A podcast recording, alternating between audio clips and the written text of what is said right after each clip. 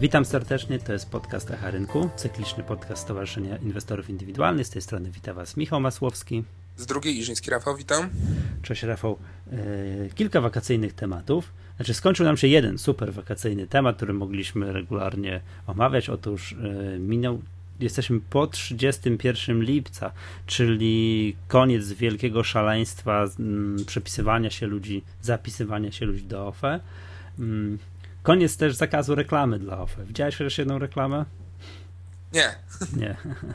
No ja też nie. No ale dobra, to tak liczby, cyferki. Pierwszego dnia mówiło się o cyfrze 1,7 miliona, ale potem zaczęły spływać do ZUS-u wszystkie listy wysłane w ostatnie kilka dni przez ludzi. No i na dzień dzisiejszy mówi się już o cyfrze 2,5 miliona e, osób z 14 milionów uprawnionych. No i chciałem zapytać Ciebie, to nieźle? To fajnie, dobrze, przyzwoicie? Ja słyszałem wypowiedź któregoś z przedstawicieli OFE, że to jest y, powyżej ich oczekiwań, tak? Jak sobie spojrzymy pewnie na skalę czasu, no to przed tym zapisywaniem się, no to pewnie milion, dwa to wszyscy by obśmiali, nie, nie, że będzie więcej, że będzie więcej. Jak zaczęli się ludzie zapisywać, no to blady strach na wszystkich, że jak będzie milion, to już będzie sukces, tak? tak? Ale na końcu to przyspieszyło, no ale to tylko potwierdziło nasze jakieś tam przypuszczenia, o których mówiliśmy we wcześniejszych odcinkach podcastu, że tutaj ten element lenistwa Polaków e, zwyciężył. No i teraz się potwierdzał, jak się okazuje, e, ci wszyscy, co na końcu, to wszyscy pocztą wysłali. Nie, no oczywiście to jest identyczny efekt jak przy wypełnianiu deklaracji, deklaracji dodatkowych. Wszyscy wszystko robią w ostatni dzień. E, na to, że nie wszyscy, nie 14 milionów, no to wynika z tego, że nie ma żadnych sankcji za to. Jak się nie zapisałeś, nie chciało ci się, no to nic się nie stało, tak? Jest, wiesz, dalej. Tak, a jak jeszcze wziąć pod uwagę, że okej, okay, 2,5 miliona e, osób się zapisało do OFE, ale zazwyczaj zapisywali się ci, co mają większe te składki, więc e, mhm. ten udział procentowy e, składki pozostającej w OFE będzie wyższy niż bezpośrednio licząc to po, poprzez y, osoby. O, to jest bardzo ważne, co powiedziałeś. Najprawdopodobniej tak jest, że te, ta wyrwa w OFE, która będzie teraz już, już, się, już, się, już się tworzy, to jak już tam wszystko w ZUS-ie policzą, to będzie nie tak duża jak e, wynikająca z liczby osób, która się, która się zapisała. No bo teraz jest tak, czyli 2,5 miliona dzielone na 14, no to da jakieś tam 18% Mm, osób, zapisan, osób zapisanych, to aż takiej, aż, aż takiej masakry nie będzie, bo naj, trzeba domniemywać, że raczej zapisali się ci, czy cokolwiek bardziej uświadomieni ekonomicznie, ci, którym się cokolwiek chce i tak dalej. No a zakładamy, tak trzeba chyba założyć, domniemywać, że to oni mają E, lepsze e, no, jakieś tam wynagrodzenia, jakieś, jakieś tam warunki, warunki finansowe. Jeszcze odnośnie tej liczby 2,5 miliona, to powiem Ci tak, mm, w porównaniu z tym, co się mówiło przez ostatnie 4 miesiące, że tam wiesz, przez pewnym momencie mówiło się, oj, milion to będzie bardzo duży bardzo duży sukces, jak groziły nam liczby typu 500-600 tysięcy, więc 2,5 miliona robi wrażenie wow, no, ale super wynik. Ale jak się tak popatrzy na te 14 milionów, to jest katastrofa, to jest niecałe to nawet jeden na pięciu nie poszedł. Nie, nie, nie przystąpił tego. No to jednak jest taki, jak się już tak ochłonąć i nie patrzeć na tą historię, jak, jak, jakim tempie to przerastało, to to jest słabiutki wynik. Słabiutki yy, zależy dla kogo, tak? Dla polityków? Jest, no słabiutki dla OFE. No wiesz, no, ja dziś napisałem taki felieton, że Polacy nie zdali z egzaminu yy, z ekonomii to gdzieś tam widziałem na naszym Facebooku straszne jakieś tam piekło się rozpętało, że to wiesz, że to co to jest i w ogóle skandal i co to ja za bzdury piszę. Zakładam, że pisali to ci, którym się nie chciało. Wiesz, ci, którzy mieli za daleko na pocztę, ja tam, wiesz, wyszydziłem wszystkich tych, którzy mówili tak, a nie, nie chce mi się po co, na co i tak dalej, nie? To jest, ja gdzieś tam wysnułem taką teorię, że nam się nic nie należy, że my jeszcze jesteśmy takim społeczeństwem, który pamięta, mm, wiesz, system słusznie miniony, czasy słusznie minione, którym się wszystko należało. Emerytura się należy, opieka zdrowotna się należy, że wszystko nam się należy, nam się nic nie należy. Jak sobie na to nie zarobimy, sami nie zapracujemy, to tego nie będziemy mieli. A my mamy tak, że wiesz, emeryturę, no to jest takie, przyjmujemy jako pewniak. No mamy, to, to państwo mamy płacić emeryturę. Oczywiście. Nie. To jest takie, wiesz, emerytura to płacona przez państwo, to ma być takie, jakby to powiedzieć, wiesz, dodatek na lody i frytki podczas niedzielnego spaceru. Całą resztę sobie musimy niestety sami, sami zapracować. No i jak gdzieś tam to, to no i w związku z tym tak, no trochę przyznam się szczerze, powiem tak, jeżeli ktoś na przykład, nie twój tekst mm, przeczytał, tam nie wiem, pięć argumentów za OFE, pięć za ZUS i świadomie wybrał ZUS, to ja się go nie czepiam. Okej. Okay.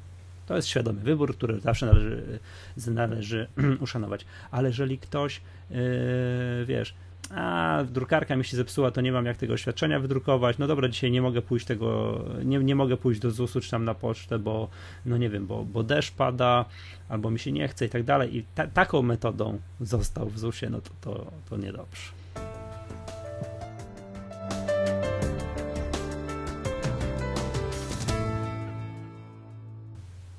Dobra, przystąpmy do naszych giełdowych tematów. Yy, no, obroty dalej widziałem takie są, jakie są, że to ciężko mówić o tym, co się na giełdzie wydarzyło, ale na szczęście wkraczamy w sezon wyników. W związku z tym jest, są fajne tematy, o których możemy mówić. Mm, jedna z naszych ulubionych, bardzo medialnych spółek, którą mm, sporo inwestorów jeszcze ma, czyli Energa, ogłosiła wyniki. Yy, powiem tak, powiem szczerze, tak, mnie ta, mm, czy będzie dywidenda dalej wysoka? O tak, tak bym zapytał. Te wyniki, czy one są wysokie, niskie, to mnie tak mało interesuje, ale czy dywidenda będzie wysoka? ale to jedno wynika z drugiego, tak? No to mów, mów, wyższe, jak, to będzie ta dywidenda, wyniki. czy nie? Bo to, to... Będzie, będzie, to już e, jeszcze przy okazji e, debiutu, tak? Na, na giełdzie było zapowiadane w prospekcie, że ta dywidenda będzie wyższa, tak? Tylko pytanie, jak wyższa? Pamiętajmy, że e, przy spółkach właśnie takich typowo dywidendowych to miara tej wysokości dywidendu, czyli ich wysokość w przypadku energii złotówka w poprzednim, za poprzedni rok do kursu akcji, mhm. czyli tam był kurs około 20 zł, to mamy złotówka do 20 zł 5%. I to jest ten stosunek dywidendy, taki bardzo popularny wskaźnik.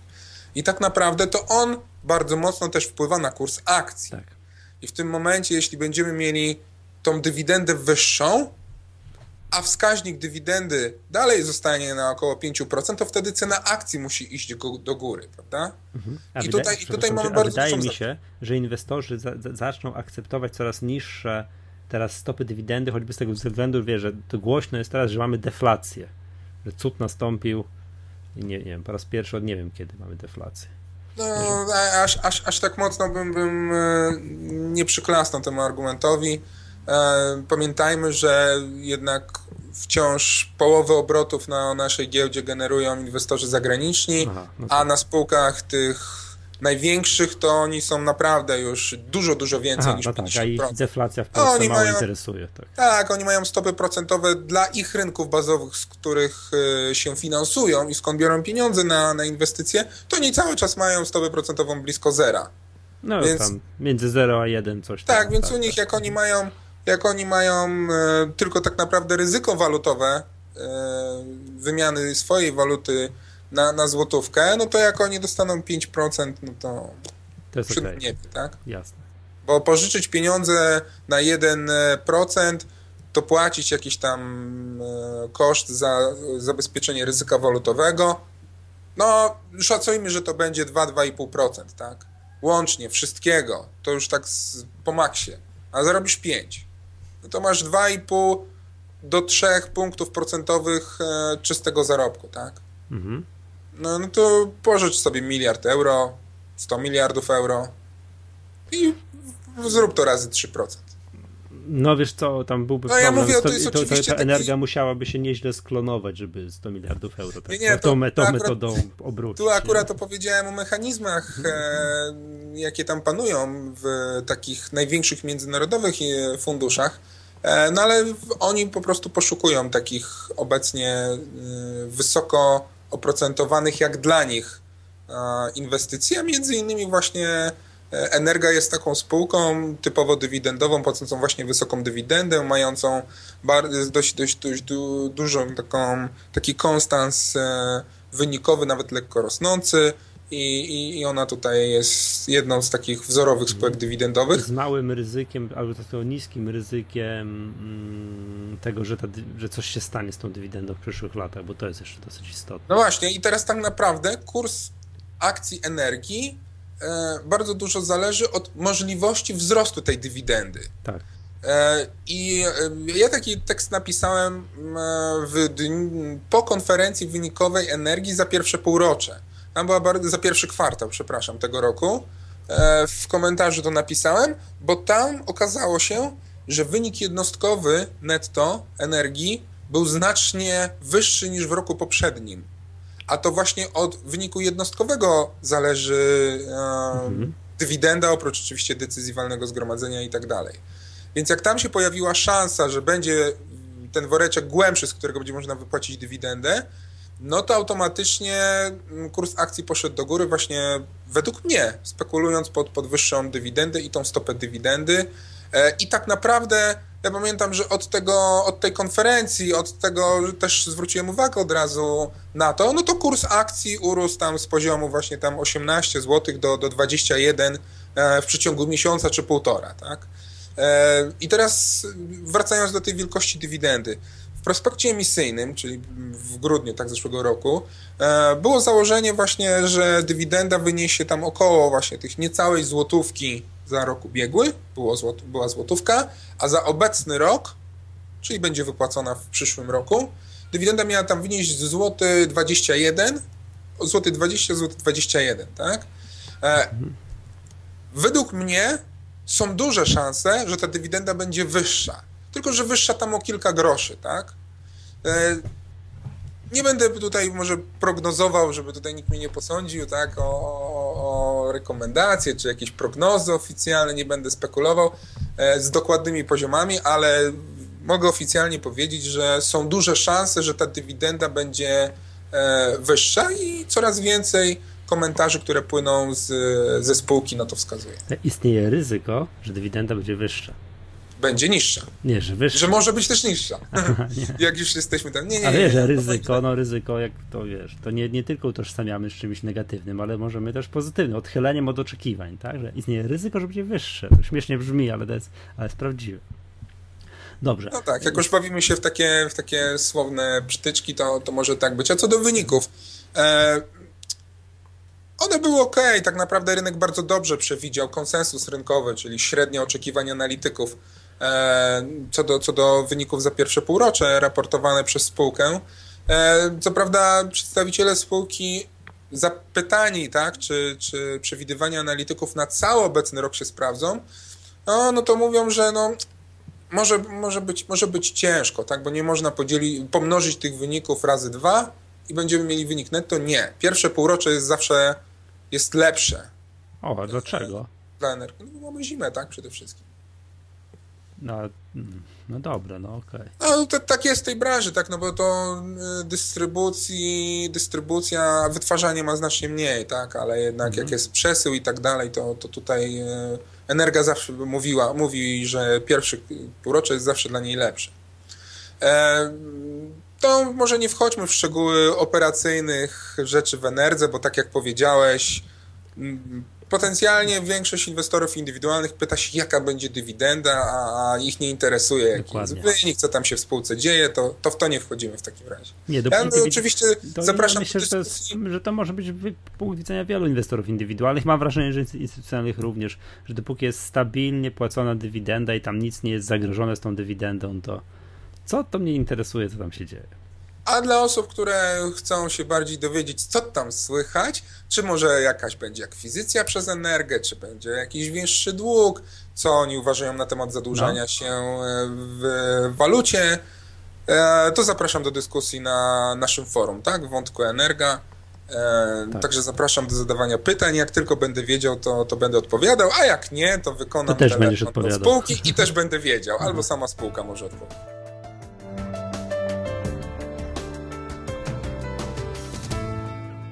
Dobra, e, mamy kolejną medialną spółkę, która no, jest w ładnym trendzie wzrostowym. Troszkę, troszkę się e, zatrzymała ostatnio, no, ale wciąż jakby trend wzrostowy jest utrzymany, czyli KGHM.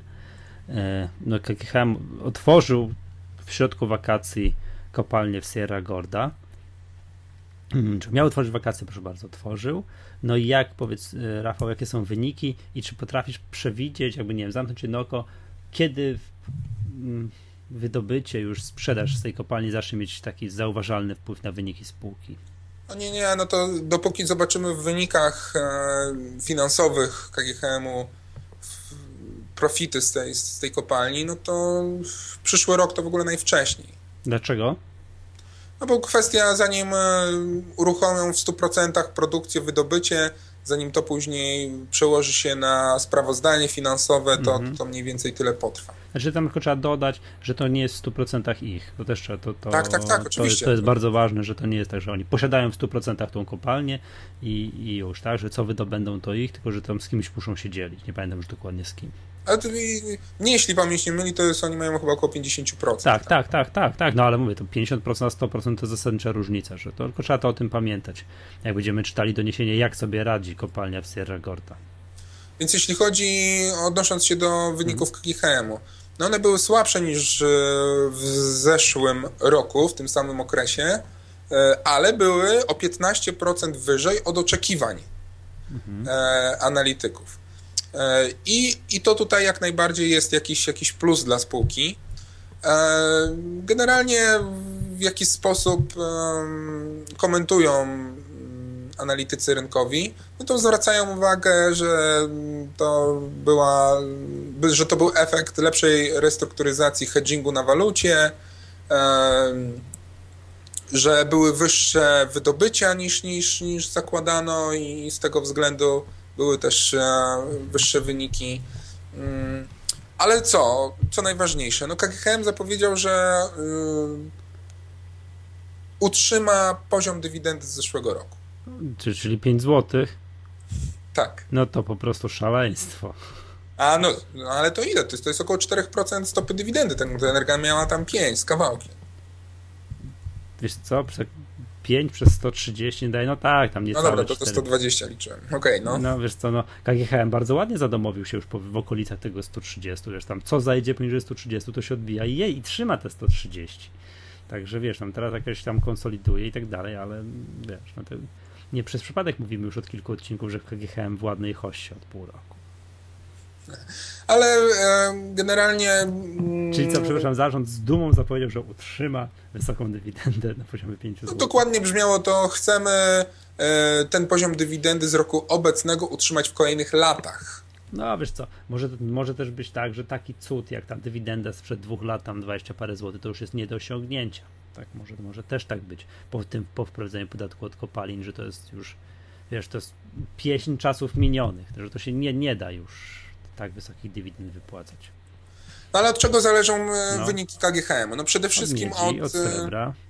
E, czyli od cen rynkowych, tak? Mhm, bo, tak? bo, na to spółka nie ma aż tak dużego wpływu. Może się w jakiś sposób zabezpieczać e, poprzez instrumenty pochodne, Mm, ale no to to jest, wiadomo, że nie zabezpieczy się w 100%. I, na, i w dłuższym terminie. I w, I w dłuższym terminie, tak? tak? Mm, więc generalnie kurs, e, kurs złotówki, tak, oczywiście, tak. A średnioroczny w budżecie e, dolar do złotego 3,05 oni założyli. Obecnie jest 3,12 ale na początku roku było około 3 zł, więc średnio właśnie na razie oni mają to, to zgodnie z założeniami. Cena miedzi za tonę 700. W pierwszym półroczu było niżej, bo cena miedzi spadła poniżej 7000, ale obecnie już wróciła powyżej 7000 i generalnie tutaj spółka liczy na poprawę koniunktury na, na, na świecie, zwraca uwagę, że zapasy miedzi e, spadają. I więc tutaj podaż się kurczy. Zadam takie cena... pytanie, bo nie jestem świadom. A czy w przemyśle zbrojeniowym miedź jest potrzebna? E, no, zażyłeś mnie, bo... Byłbym zdziwiony, jakby, no tam wiadomo, tam jest stal, żelazo i tak. Do produkcji Ale generalnie... armat i czołgów, czy mieć jest potrzebne. No, no dobra, no to nie armat, tylko katiuszy, tak? Nie, do, do, do, do, produkcji F-16 czy jest. No jest, bo to jest dużo elektroniki, musi być. Nie, no, oczywiście, na pewno. Um, także generalnie, no dobrze, to może nie, nie wchodźmy w temat bo byśmy musieli 15 minut minimum tak w szybkim tempie o tym opowiedzieć. E, nie no, wszystko w KGHM jest ok, e, ale jeden z komentatorów stwierdził, że on nie widzi tutaj, żeby te wyniki opublikowane jakoś wpłynęły na, na, na kurs.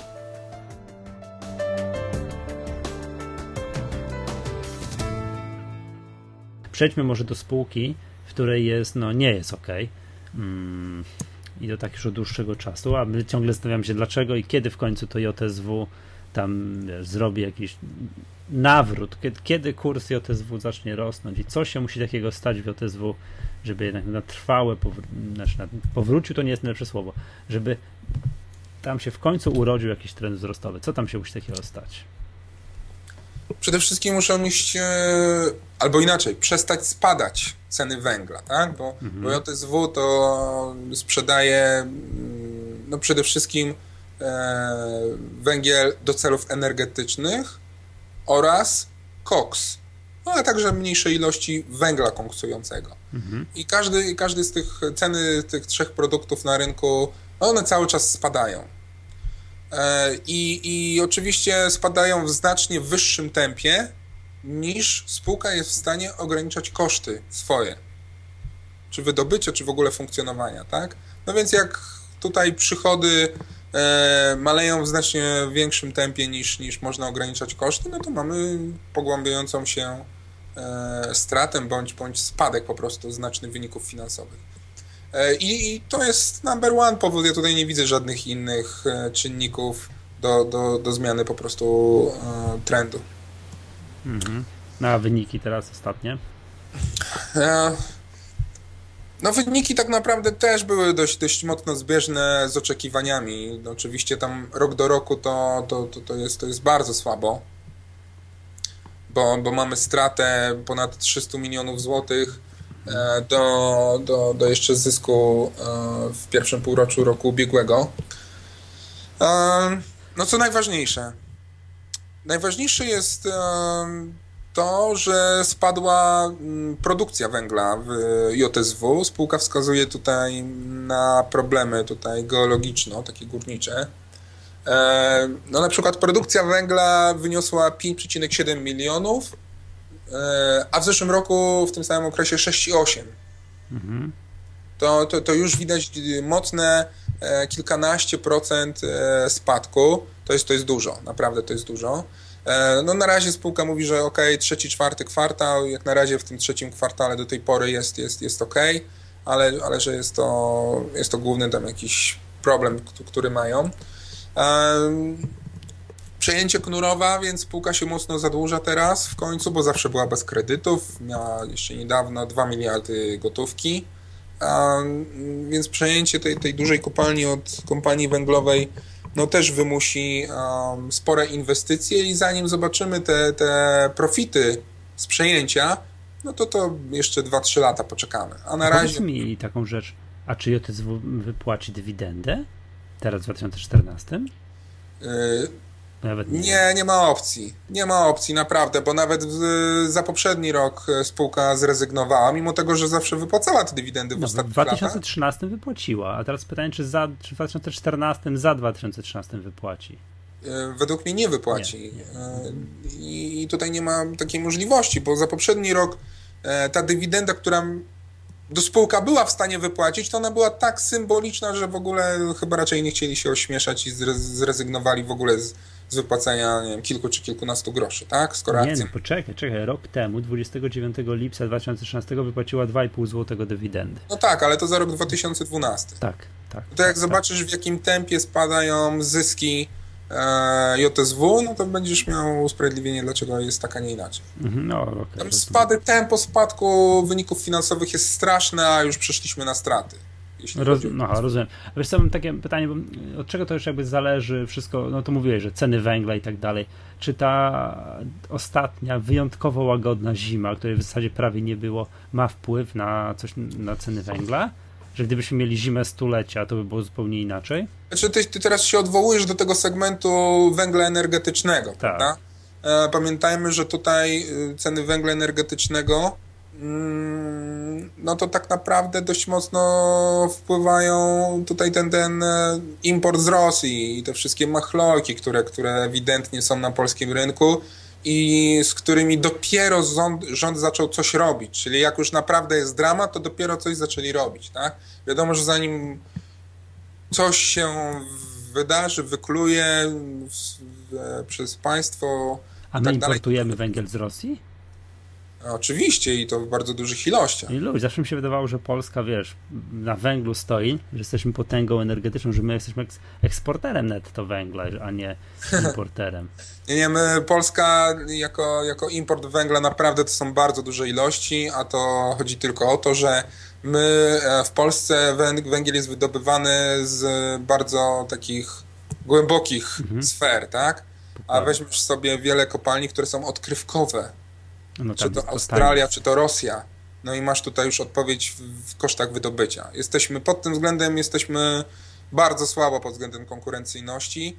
E, mhm. Okej, okay, mamy dobrej jakości złoża i węgiel i tutaj pod względem czy kaloryczności, czy, czy zastosowania, no to tu mamy jakieś tam przewagi konkurencyjne. No ale jeśli pani, która, babcia lat 70, która pali węglem w domu, będzie miała ofertę węgla za, nie wiem, 200 zł za tonę versus 400, to ona nie będzie się pytała o kaloryczność tego węgla, o pochodzenie i tak dalej, tylko wiadomo, który wybierze, tak? Mm. Tylko, że później się oczywiście będzie, będzie płakać, o, on się źle pali i tak dalej, no ale już zapłacone.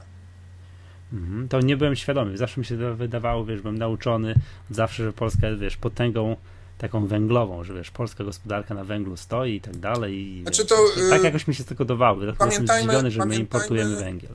Pamiętajmy, że JSW to jest właśnie przede wszystkim koks i węgiel koksujący, tak? A on z kolei trafia do, do hut. Mhm. Więc tutaj y, produkcja stali. Jest taka zależność. Y, jeżeli produkcja stali rośnie albo ceny stali rosną, to i węgiel koksujący ceny idą do góry, tak? I on jest mocno powiązany. A obecnie na tym rynku stali to tak. A to znowu to ja tutaj. Szału nie ma. Nie będziemy tego omawiać, ale to, to myślę, że, że w przemyśle zbrojeniowym to jest potrzebne i to bardzo.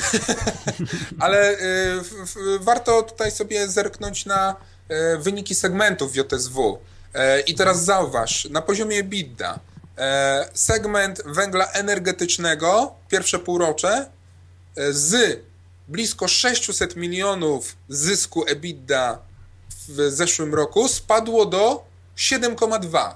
No, czyli do zera, no czyli prawie do zera, tak? Czyli blisko 600 milionów w tym segmencie. Ale już za to segment koksujący spada ze 117, 171 do 112. No to już ten spadek nominalnie jest, jest, jest niewielki, a pozostałe segmenty z 90 milionów spadają do 80, czyli o 10 milionów. No to czyli to... ewidentnie widać, że segment węgla energetycznego to jest to, co teraz ciągnie najmocniej JSW no, do dołu. zima jest potrzebna. Oczywiście. To, co mówiłem e... na początku. Zima jest potrzebna. Czy to ma wpływ? No ma wpływ, jak się okazuje. Także to...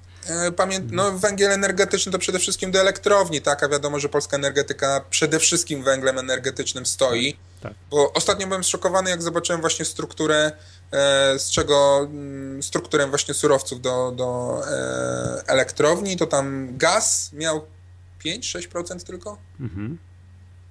I cała reszta węgiel energetyczny. No prawie, prawie, ale to tam jest. A źródło prostu... odnawialne, tam jakiś wiatr, woda, coś. Tak no ale to też tam symbolicznie. No. Zatem, że energii atomowej chwilowo mamy zero.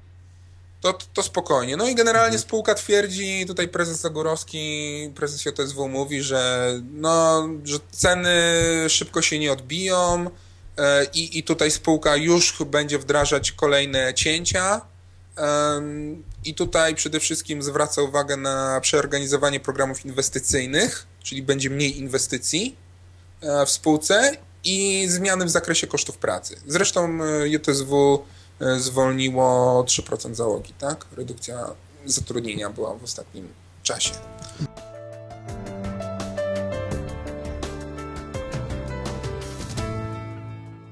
Mhm.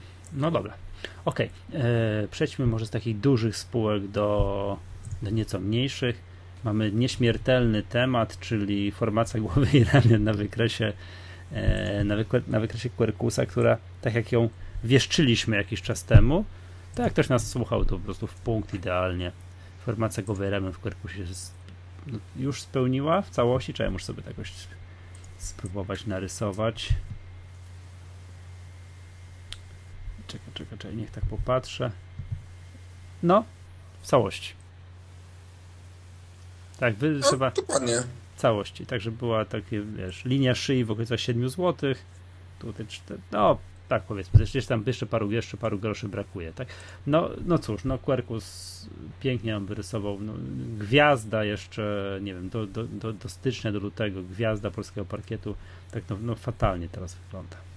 Ale e, co ciekawe, to jest, ten przypadek jest taki wręcz książkowy, na każdym wykładzie, szkoleniu i tak dalej można to pokazywać. Bo ci początkujący inwestorzy na giełdzie e, zadają teraz pytanie, no jak to jest, że Quercus w ostatnim czasie właśnie spadł w takim tempie, co, co powiedziałeś, a niedawno były publikowane mm, na początku dosłownie sierpnia wyniki za pierwsze półrocze Quercusa, no i tam no. się okazuje, że E, zysk netto był o 111% wyżej niż w roku zeszłym i spółka zarobiła tylko w pierwszym półroczu 17,9 miliona złotych. No to jak to jest, że zysk rośnie o 100%, a kurs spada te 20 50 parę już. A no to 50 parę w zależności od, od skali czasu, tak? No. no i to czy odpowiedź jest zawsze taka, jak zawsze pada, że, że giełda E, Jest więcej sprzedających niż kupujących. I nie, nie, no, no, giełda patrzy w przyszłość, a, mhm. a to jest, a tutaj teraz już e, powoli widać i pojawiają się te pierwsze informacje, dlaczego niektórzy inwestorzy już tak mocno sprzedawali Quercusa. E, no okazuje się, mhm. że w Quercusie dość mocno spada wartość aktywów w tym funduszu. Czyli ich, ich, ich taki biznes podstawowy e, zaczyna się, no. że tak powiem, znacznie mniejszą gotówką już obracają. A dlaczego? I tutaj no, zarówno jakieś tam spadki na giełdzie, to, to, to jest pierwszy czynnik, no i ludzie po prostu wypłacali więcej niż wpłacali do tego funduszu. I tutaj mamy takie dane, że od początku roku wartość aktywów spadła o 22%. To jest jeden z większych spadków ze wszystkich e, TFI w Polsce. No, ale to wiesz, to jest takie troszkę, że skoro oni urośli swego czasu najmocniej, to nie należy się dziwić, że w końcu ludzie poszli poszli realizować zyski i w takim okresie no troszkę niepewnym, wiesz, no, no koniunktura nas nie rozpieszcza przez tam ostatnich tam kilka miesięcy, coś stwierdzili, dobra, no to biorę swoją gotówkę i idę do domu, a że oni byli tam do pewnego momentu bardzo dobrzy, jeżeli chodzi o osiągane wyniki, no to teraz ludzie sporo gotówki z nich zabrali. No, zgadza się, zgadza się. No to jest taka prawidłowość, e, a, no. jeśli chodzi generalnie o cały rynek, tak? No, ale to trzeba będzie obserwować, bo y, mało jest, przypomnij podmiotów. To oprócz Quercusa mamy jeszcze jakiś taki fundusz, taki klasyczny notowany, bo nie kojarzę. Że można było sobie porównać. Wiesz o co chodzi, że jak ktoś jest dobry, no to to będzie miał, wiesz, zbierał tą premię za to, że jest najlepszy, czyli wzrost kursów, wzrost wyników, ale jak jest moment wycofywania aktywów, no to będzie cierpiał bardziej niż, nie wiem, inne spółki z porównywalnych branż finansowych i tak dalej. Na rynku mamy ideę TFI, ale no. ja nie, nie, śledzę tej spółki, więc nie wiem, co tam ja się też. Dobra. Rafał, jeszcze zareklamujmy, co my mieliśmy u nas na stronie z takich dużych rzeczy, do, które, które opublikowaliśmy i wiem, że opublikowaliśmy raport e, dotyczący spółki Dom Development. Tak, Dom Development, y, fajny deweloper, bo ma bardzo mocne fundamenty. Mocne fundamenty objawiają się tym, że Ładnie ma... zabrzmiało, deweloper, który ma mocne fundamenty. Patrz, patrz jest świetne hasło reklamowe w branży, takie wiesz. Takie, e, takie tak. mieszkaniowe, takie budowlane. Mamy mocne fundamenty, takie wiesz, dwuznaczne. To jest, podoba mi się. No to, to, to dziękuję, widać, że czytałem pana Tadeusza. Tak, tak. Um, fundamentami właśnie to, co powiedziałem, niskie, dość niskie zadłużenie, ale chodzi tutaj o to, że Dom Development na koniec pierwszego półrocza miał, na koniec pierwszego kwartału, przepraszam, miał 306 e, milionów złotych środków pieniężnych, a 400, e, około 400 milionów e, zadłużenia, tak? Mhm. E, więc, więc to pokazuje, że mają środki pieniężne, żeby E, czy rozpoczynać realizację nowych projektów, żeby wpłacić wkład własny do, do, do kredytów, bo wszyscy deweloperzy, jak zaczynają i realizują jakiś projekt, to oni korzystają po prostu z kredytów bankowych, ale sami muszą wpłacić jakiś wkład własny, tak? Mhm. E, ale co ciekawego. W, to jest przyczyną, dlaczego branża deweloperska raz na jakiś czas y, notuje spektakularne bankructwo. A, takie coś, przyczyn, że przydałby się, przy, przydaliby się deweloperzy, którzy po prostu mają kasę, którzy coś sfinansować w 100% ze środków własnych. No to nie, nie, no to jest tak kapitałochłonny biznes, że, że, że nie ma takiej opcji w ogóle. Że to ciężko, albo chyba, że ktoś buduje trzy domki pod lasem, to wtedy ewentualnie. No tak. zgadza się. E, ale co, co, ciekawego, spada marża brutto mhm. E, u, w DOM Development. Bardzo fajny tam wykres jest z ostatnich ponad dwóch lat. Kwartał do kwartału, jak wyglądała marża brutto i, i jakie były tendencje. I, i, I to już jest odpowiedź na kondycję finansową. Także zyski DOM Development spadły. Kolejne kwartały to tak naprawdę dopiero w czwartym kwartale będą jakieś wyższe wyniki. A skąd ja to wiem? No akurat przy deweloperach jest dość prosta sprawa, bo to, co widzimy w wynikach finansowych, zależy od przekazań mieszkań na rzecz klientów, a nie od sprzedaży tych mieszkań. To no też tak, już poruszaliśmy tak, ten wątek. Był, tak, tak, tak, a skoro e, spółka w, sprzedaje, sprzedaje mieszkania, które nie są, które są w trakcie budowy, bo obecnie tylko 15% w ofercie e, Dom Development mieszkań jest mieszkaniami, są mieszkania, to są mieszkania gotowe, a reszta jest buduje, e, a reszta się buduje. Więc jeżeli oni mają sprzedane te mieszkania, które się budują, wiedzą w którym kwartale skończą budować i zostaną te mieszkania przekazane. No to wiemy, że te mhm. mieszkania sprzedane będą przekazane w takim i w takim kwartale, bo się skończy e, ich budowa i wówczas będą wykazane wyniki finansowe. No mhm. i tutaj y, plan harmonogram, harmonogram pokazuje, że jednak ten czwarty kwartał tego roku jest najwięcej przekazań e, zaplanowanych i dopiero wtedy pokażą się takie wyższe. Ale to dyskutowaliśmy o tym w zeszłym tak. albo jeszcze w poprzednim odcinku, tak, że na co trzeba zwracać uwagę w branży deweloperskiej, kiedy oni mogą pokazać w wyniku no, to, że dostali kasę od klienta, no to właśnie wtedy jak mu przekażą kluczyki od, od mieszkania. Także, także zapraszamy do przeczytania tego e, raportu. E, pojawił się również e, raport o takiej spółce, ja, ja, ja tą spółkę nazywam funduszem, e, Indigo Tech Minerals. E, o taki przekrojowy, przekrojowy raport opisujący e, trzy spółki, które ta firma posiada Mhm. Typowe startupy z jednym małym wyjątkiem. Jak ktoś lubi tego typu spółki do, do inwestowania, to, to, to zapraszamy e, do, do przeczytania i zapoznania. W dziale raporty analityczne można, mo, można, można, można, to, można to znaleźć. I okej, okay, dobra. Dom Development dla członków C za darmo, Indygo dla wszystkich za darmo. Naturalnie. Tak. A tak. teraz, tak. a najbliższy raport e, o ABC dacie. Tak? O, dobrze, to weź tam, powiedz mi w następnym odcinku, jak, no, jak ten, jak wiesz, handel e, produktami Apple'a w ABCDacie wygląda. A to ciebie interesuje? No, no tak, bo mnie to interesuje, to bardzo chętnie tam, jak ten iSpot im tam, e, wiesz, mm, no, czy, czy dobrze się ma, nie, w ich, e, no, w ich finansach. Dobra, okej, okay, to wszystko na dzisiaj to zapraszamy serdecznie do wysłuchiwań, posłuchania kolejnych odcinków podcastu Echa Rynku. Ja nazywam się Michał Masłowski. E, Iżyński Rafał, pozdrawiam wszystkich. Do, do usłyszenia następnym razem. Do usłyszenia.